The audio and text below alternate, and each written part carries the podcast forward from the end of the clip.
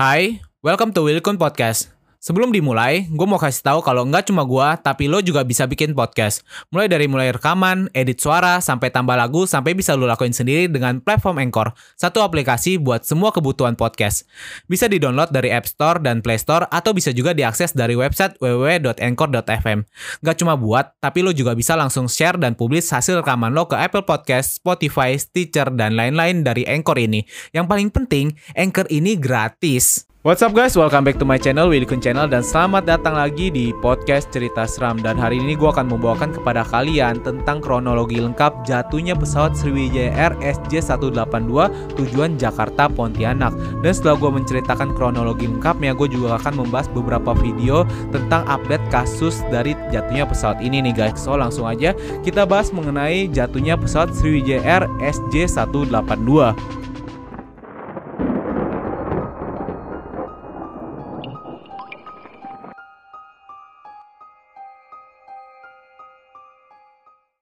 Tizen Men's Grooming Essential Pesawat Sriwijaya Air SJ182 dijadwalkan terbang pada tanggal 9 bulan Januari 2021. Pada saat itu mereka dijadwalkan untuk terbang pada pukul 2 siang hari, tapi pada hari itu juga dikabarkan pesawat SJ182 ini mengalami delay selama 30 menit karena pada hari itu, pada hari Sabtu dikabarkan cuaca sangat buruk sekali. Gue sendiri yang tinggal di Jakarta merasakan kalau hujan itu udah, udah dari pagi hari sampai ke sore hari dan hujannya itu bukan hujan yang kecil loh jadi ini adalah hujan yang besar dan gue juga merasakan kenapa pesawat ini bisa delay selama 30 menit. Kemudian setelah mereka delay, akhirnya mereka melanjutkan perjalanan pada pukul 14.36. Pada hari itu dikabarkan pesawat Sriwijaya Air SJ182 membawa 6 kru pesawat dan 56 penumpang. Di antaranya adalah 46 dewasa, 7 anak-anak, dan 3 balita. Dan setelah seluruh penumpang masuk ke dalam pesawat, akhirnya pesawat Sriwijaya SJ182 bisa melanjutkan perjalanan. Di situ, setelah 4 menit perjalanan mereka take off, tiba-tiba pesawat ini yang sedang menaiki ketinggian 11.000 kaki, tiba-tiba ketinggiannya itu turun sampai 250 kaki dan dinyatakan hilang kontak dengan bandara. Dan di saat yang bersamaan, para nelayan di Pulau Laki juga mengatakan mereka di saat cuaca buruk melihat ada pesawat yang jatuh dan meledak di perairan Pulau Laki tersebut. Dan akhirnya mereka melaporkan kejadian ini dan setelah menerima laporan ini, langsung pemerintah Kepulauan Seribu yang ada di Pulau Laki itu melakukan pencarian sederhana terlebih dahulu. Dan di saat itu juga mereka menemukan memang ada bagian pesawat yang terlihat seperti ada pesawat yang jatuh di situ dan mereka juga yang mengejutkan melihat ada beberapa potongan daging yang diperkirakan adalah daging dari penumpang pesawat SJ182 dan akhirnya laporan ini semakin diperiksa kembali. Dan pada malam harinya dinyatakan pesawat Sriwijaya SJ182 memang jatuh di sekitar perairan Pulau Laki karena pada saat itu ditemukan lagi bagian-bagian pesawat yang semakin besar, ditemukan juga beberapa potongan tubuh manusia dan ditemukan juga minyak yang diperkirakan adalah minyak yang tumpah dari puing-puing pesawat SJ182 tersebut. Dan setelah pesawat Sriwijaya Air SJ182 tujuan Jakarta Pontianak itu dinyatakan jatuh, berita ini sudah pasti menghebohkan satu Indonesia karena ada sebuah pesawat yang jatuh. Dan kalau kalian yang menanyakan kepada gua apa yang menyebabkan pesawat Sriwijaya SJ182 jatuh, di sini gua nggak mau spekulasi banyak, tapi di berita awal itu dinyatakan kalau pesawat SJ182 itu jatuh karena pengaruh cuaca buruk. Di sini gua nggak mau mendahului siapa pun, biarkan penyidik, penyidik dan orang yang melakukan tugasnya itu bekerja terlebih dahulu. Gua nggak mau menyatakan apa pun. Di sini soalnya black boxnya itu juga belum diangkat sudah ditemukan tapi belum bisa diangkat karena cuaca yang buruk hingga sekarang. Dan di sini gue juga akan membawakan beberapa video dari keluarga korban dari kapten pesawat SJ 182 juga. Jadi yuk kita langsung lihat bersama aja.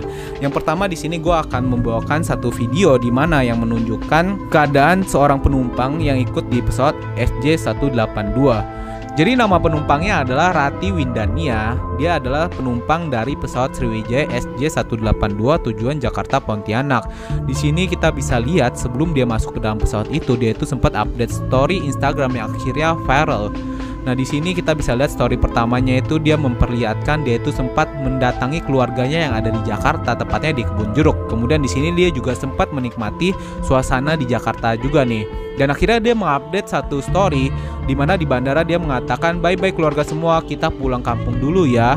Di sini bener-bener nggak ada yang punya perasaan kalau ini adalah story yang terakhir dibuat oleh Rati Windania.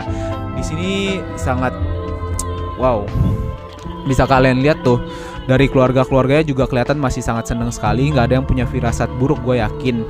Dan gue melihat story ini sih sangat sedih sekali ya ditambah lagi setelah akhirnya pesawat Sriwijaya Air SJ182 ini dinyatakan jatuh Instagram sendiri sudah memberikan tanda remembering di Instagramnya Rati Windania ini yang menyatakan memang sosok dari pemilik Instagram ini sudah dinyatakan meninggal dunia. Di sini gue ingin mengatakan turut berduka cita kepada keluarga.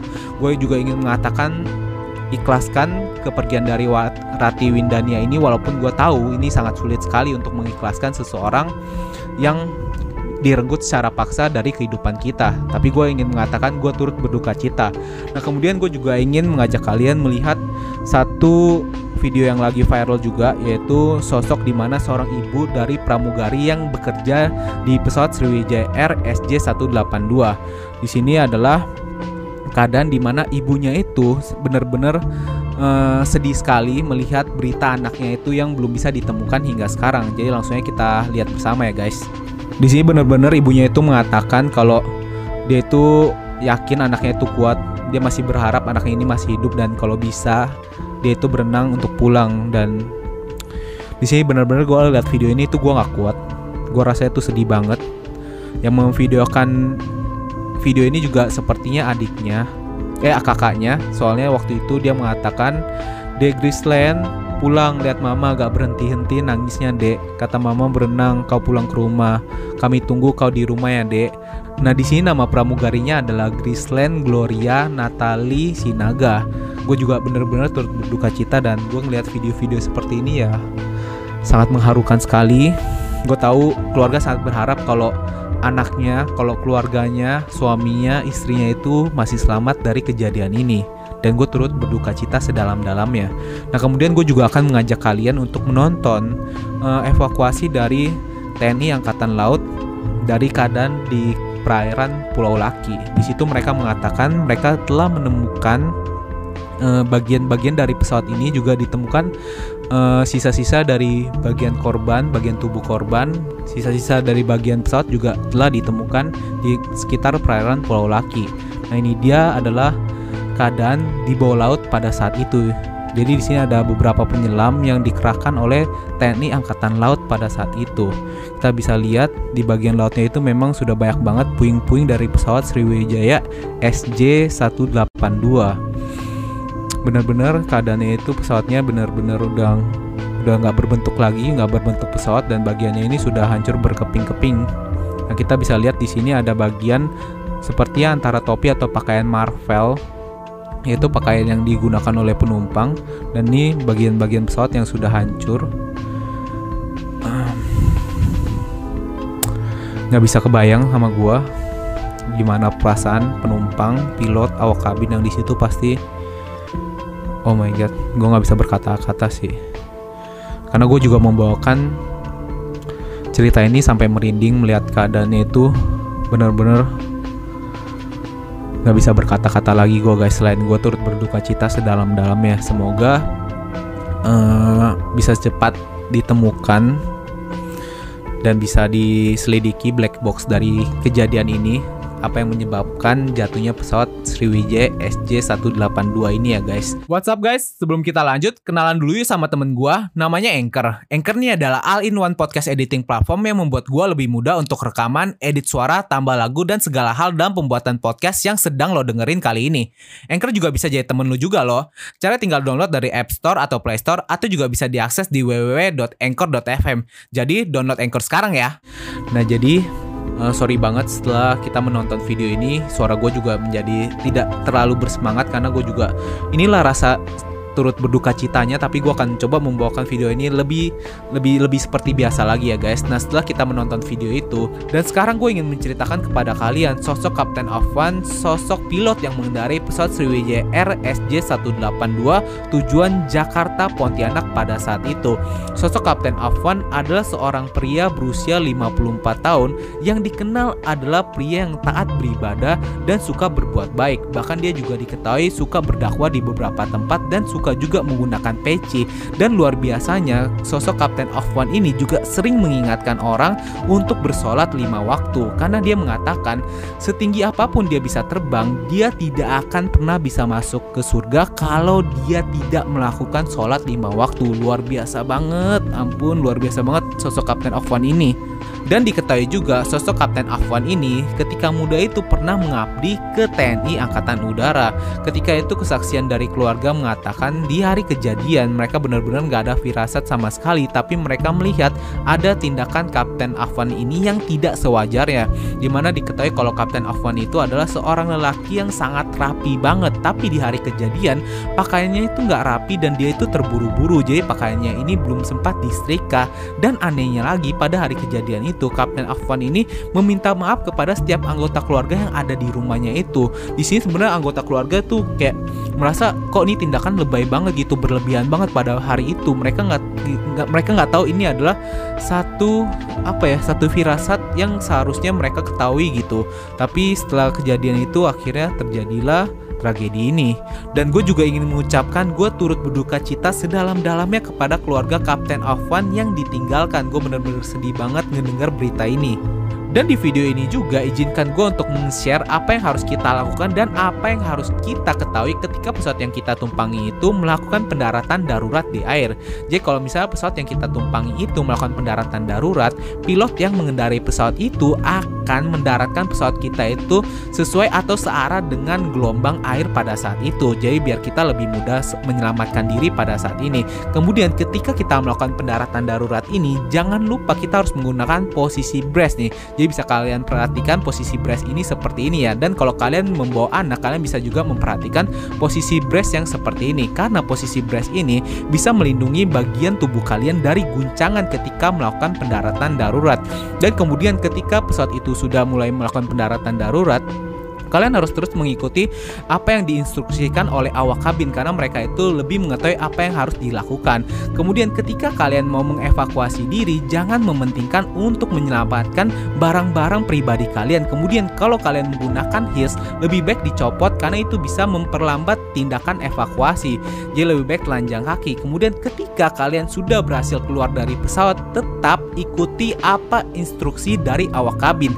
Jangan melakukan apa yang tidak seharusnya karena ini juga bisa memperlambat proses evakuasi. Nah, itu dia yang harus kita lakukan dan apa yang harus kita ketahui ketika pesawat yang kita tumpangi itu melakukan pendaratan darurat di air. Semoga bermanfaat, guys. Dan yang terakhir, gue ingin menyampaikan kepada kalian juga dari tragedi ini kita jangan menjadi satu stigma di mana kalau pesawat itu adalah satu uh, transportasi umum yang berbahaya karena menurut faktanya transportasi pesawat adalah transportasi yang paling aman di dunia hingga sekarang. Kenapa? Karena faktor kecelakaan atau tingkat presentasi kecelakaan dari transportasi umum khususnya pesawat yang yang pesawat ini adalah presentasi terkecil yang mengalami kecelakaan. Dan kemudian yang ingin gue sampaikan kepada kalian, tingkat presentasi kecelakaan dari pesawat itu dari tahun ke tahunnya itu terus menurun. Jadi semakin aman tingkat keamanan dari pesawat itu juga semakin ditingkat ditingkatkan. Nah, hal ini kenapa bisa seperti itu? Kembali lagi dari maintenance mesin-mesin pesawat dari pesawat yang kalian gunakan. Karena maintenance dari pesawat itu sangat dijaga ketat banget. Jadi ketika pesawat itu ingin take off atau pesawat itu baru saja landing, pesawat ini akan dilakukan skala pengecekan berkala. Dan yang perlu kalian ketahui, pesawat adalah transportasi umum yang menggunakan teknologi canggih sehingga ini meningkatkan faktor keamanan bagi para penumpangnya. Ditambah lagi kalau kita mau menjadi seorang kapten, menjadi awak kabin pesawat itu itu perlu proses yang sangat panjang banget perlu seleksi yang sangat panjang banget perlu uh, training yang sangat panjang banget dan sangat berat banget jadi untuk menjadi seorang awak kabin apalagi menjadi seorang kapten itu prosesnya tuh panjang banget dan melewati sistem keamanan yang sudah dilatih secara berkala jadi ini udah semakin meningkatkan faktor keamanan. Ditambah lagi faktor eksternalnya lagi kalau kalian masih ragu menggunakan pesawat. Kalau kita mau menggunakan pesawat, kita aja di bandara itu udah melewati beberapa pengecekan gitu. Jadi ini udah semakin aman banget. Jadi tujuan akhir dari video ini setelah gue menyampaikan fakta-fakta tersebut, gue ingin biar kalian yang menonton video ini jangan parno, jangan takut dari kejadian pesawat Sriwijaya SJ182 ini. Jadi kalian ngecap kalau semua penerbangan di Indonesia itu buruk, penerbangan itu menakutkan, jangan seperti itu. Karena gue yakin dan percaya setiap kapten, setiap awak kabin yang membawa pesawat itu, mereka itu pastinya mau yang terbaik, nggak mau kalau pesawatnya itu sampai kenapa-napa. Karena mereka itu kan juga ada keluarga kan, mereka itu nggak mau yang terjadi hal buruk apalagi kecelakaan sampai seperti ini. Jadi gue ingin meluruskan pikiran kalian. Yuk kita tetap percaya dengan penerbangan di Indonesia, tapi kita juga harus tetap berdoa kepada Tuhan yang Maha Kuasa biar melindungi kita di mana pun kita berada. Dan sekali lagi gue ingin mengucapkan gue turut berduka cita sedalam-dalam ya gue sangat sedih dengan tragedi yang terjadi kepada Sriwijaya Air SJ182.